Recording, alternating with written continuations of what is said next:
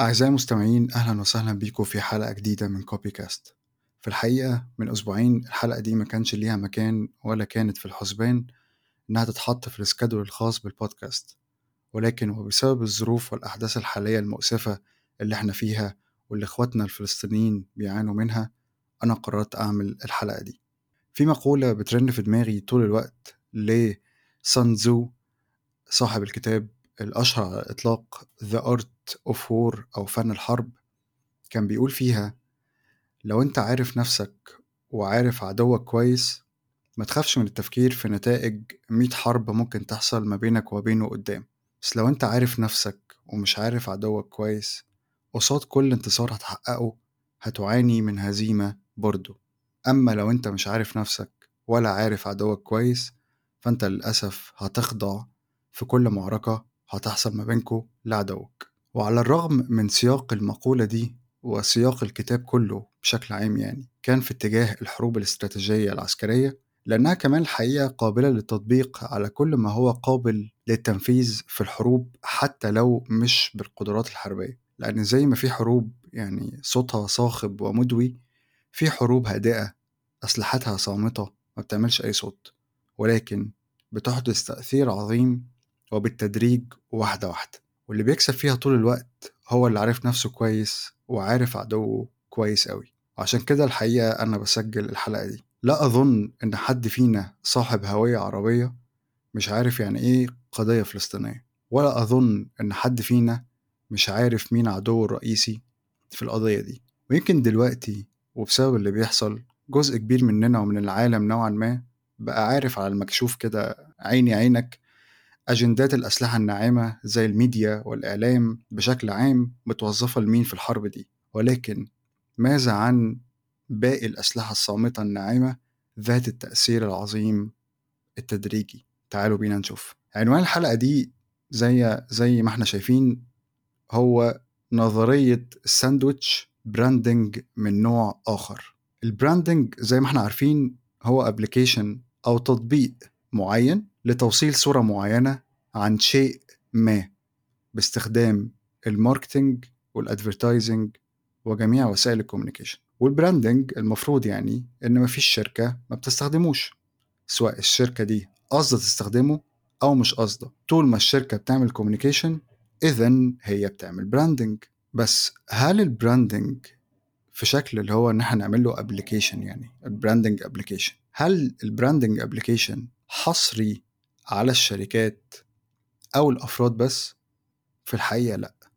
الدول كمان بتستخدمه فيما يسمى بال nation branding أو ترويج الأمم وده ال branding اللي من نوع آخر الحقيقة. الأمم لما بتستخدم ال nation branding فالهدف منه أو بيبقى الهدف منه يعني ترويج صورة وانطباع معين عن الدولة دي وخلق differentiation واضح ومميز للدولة دي وسط باقي الدول وده من خلال الترويج لثقافة الأمة بجميع أنواعها وسياحتها وصادراتها والاستثمارات اللي فيها وقوة علاقتها بالمحيط اللي حواليها وهكذا. وواحدة من أهم الأدوات اللي ممكن تكون أمة أو دولة محتاجاها في ال nation branding هي القوة الناعمة. إزاي أغير perception أو انطباع عند العالم بمنتهى السلاسة والنعومة والإغراء بدون ما اضطر إلى استخدام أي نوع من أنواع القوة الواضحة للعلن. إجابة السؤال ده تترجم في القوة الناعمة وده بيبقى من خلال وعلى سبيل المثال وليس الحصر ال marketing طبعا وال advertising وال events والعلاقات العامة الخاصة بالدولة. وصدق أو لا تصدق ده اللي إسرائيل نجحت في إنها تعمله على مدار آخر 25 سنة تقريبا من عمرها.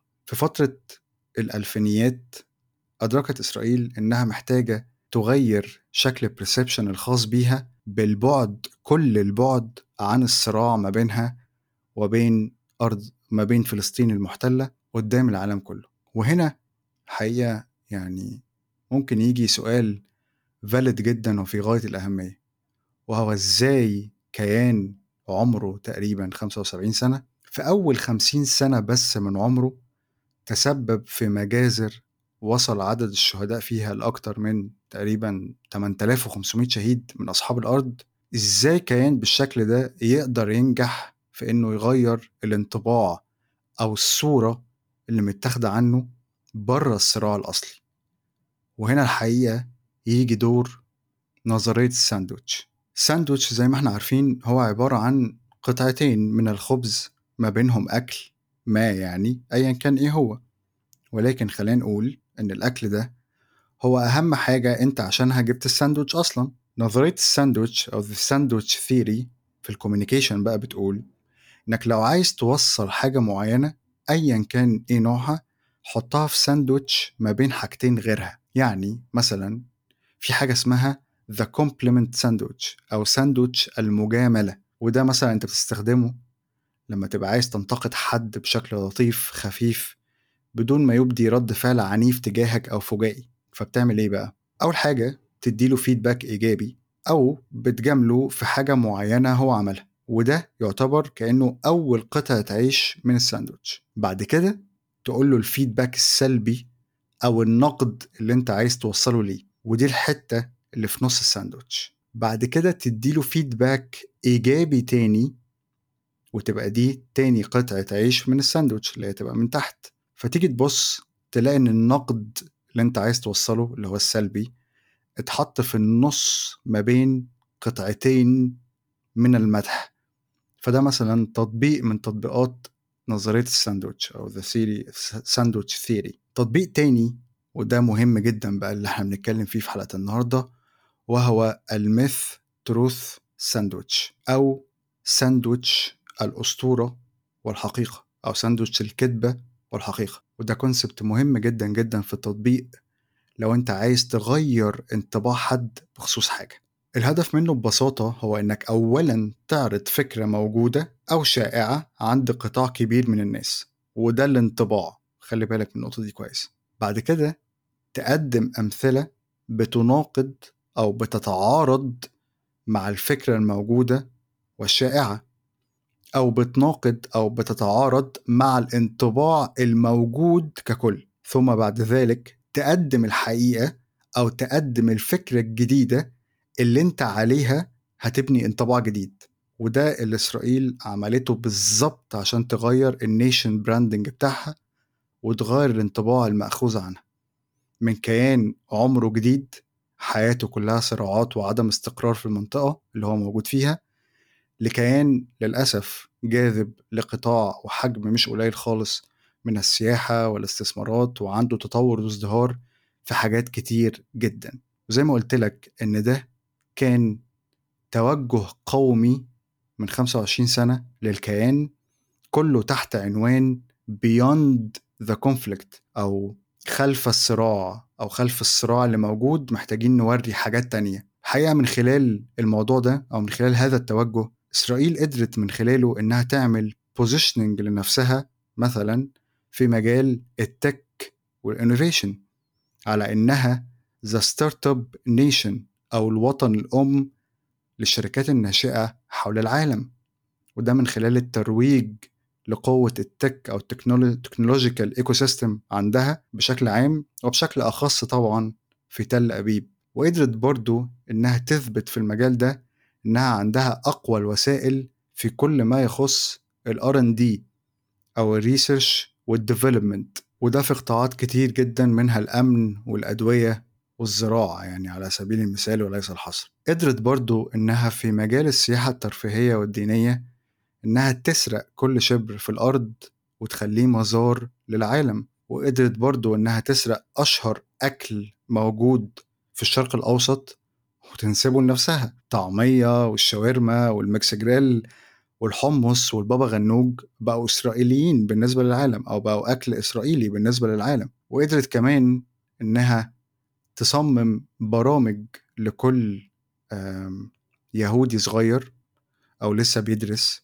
وعايش في الخارج إن هو إن إن إن الفئة دي يزوروا بلدهم مجانا وتعمل لهم أنشطة وبرامج. الهدف منها إنهم يعرفوا ثقافة وتاريخ وحضارة بلدهم ويوطدوا علاقاتهم مع المجتمعات اليهودية داخل البلد. عشان لما يرجعوا تاني بره يعملوا سبريدنج كده لكل اللي بيحصل داخل أرضهم. ده غير إنهم كمان عملوا برامج مخصوصة.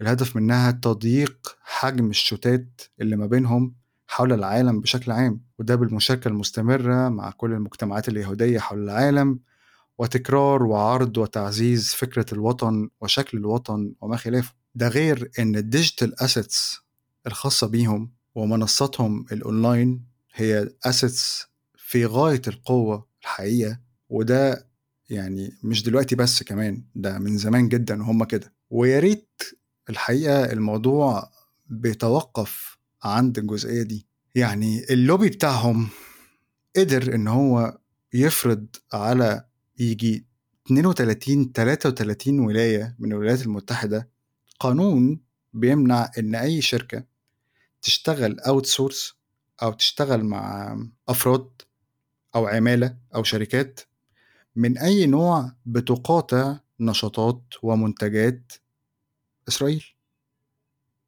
وده مش بس كمان في الولايات المتحدة ده كمان في بريطانيا وكذا دولة تانية في غرب أوروبا بالتحديد. وهنا الحقيقة الموضوع قد يبدو يعني عبثي ومش قد يبدو هو عبثي فعلا. لأن مثلا لما تيجي تشوف دولة زي الولايات المتحدة بالدستور بتاعهم بمبدأ الحريات وما خلافه وبلا بلا بلا وتلاقي إن في قانون زي ده بيفرض على أي شخص لو اشتغل في أي شركة موجودة في أي ولاية من الولايات دي إن هو بيؤيد وما عندوش أي مشكلة خالص سواء بقى في استخدام أو promoting أي products من إنتاج إسرائيل. آه بالإضافة لكده اللوبي بتاعهم كمان متحكم في جميع أنواع الميديا وبكل الاستراتيجيات وال tactics اللي ممكن تتخيلها. كل ده عشان يحاولوا يحافظوا على جانب محدد جدا من القصة اللي هم عايزين يحكوها باستمرار. إسرائيل للأسف قدرت ويمكن ده يعني على مدار 75 سنة مش آخر 25 سنة بس كمان قدرت إن هي تمحي أو تحيد كل ما يتعلق بالهوية الفلسطينية في الخارج. لو سألت شخص غير عربي عن شجر الزيتون والمزارع والصيد وطرق التجارة في فلسطين هيقول لك إيه ده؟ أنت بتقول إيه؟ الكلام ده مش relatable الكلام ده مش بي make sense مع أي حد specially طبعا اللي مش عربي يعني. وقد يبدو إن كلامي مزعج ولكن إحنا مهم لينا جدا نعرف ونتعمق في التفاصيل المؤلمة دي الحقيقة.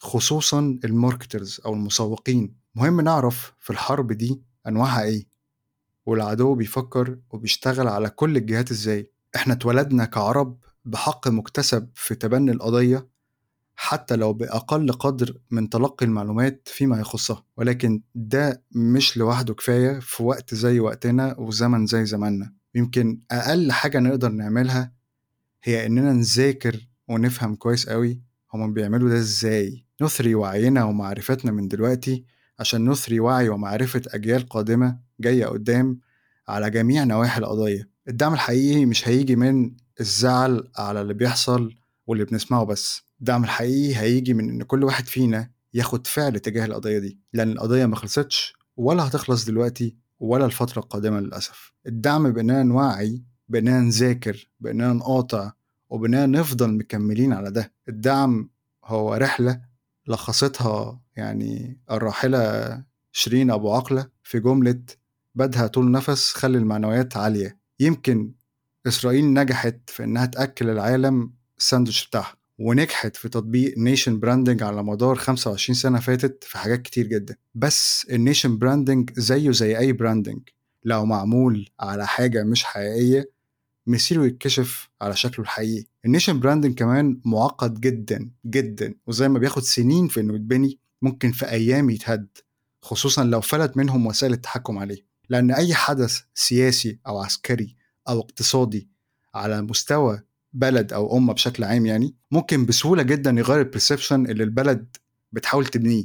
أي صوت وأي رسالة أقوى في مواقف زي كده ممكن تغير ال perception ده وتكشف الجوانب المستخبية. وأكتفي بهذا القدر وعذرا على الإطالة وآسف وبعتذر إن كان كلامي مزعج والهدف منه ليس الإزعاج على الإطلاق وإنما هو توعية في جوانب مهمة جدا بالنسبة لنا خصوصا ك marketers تجاه قضية زي كده.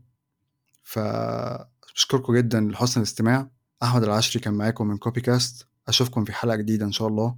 والسلام عليكم.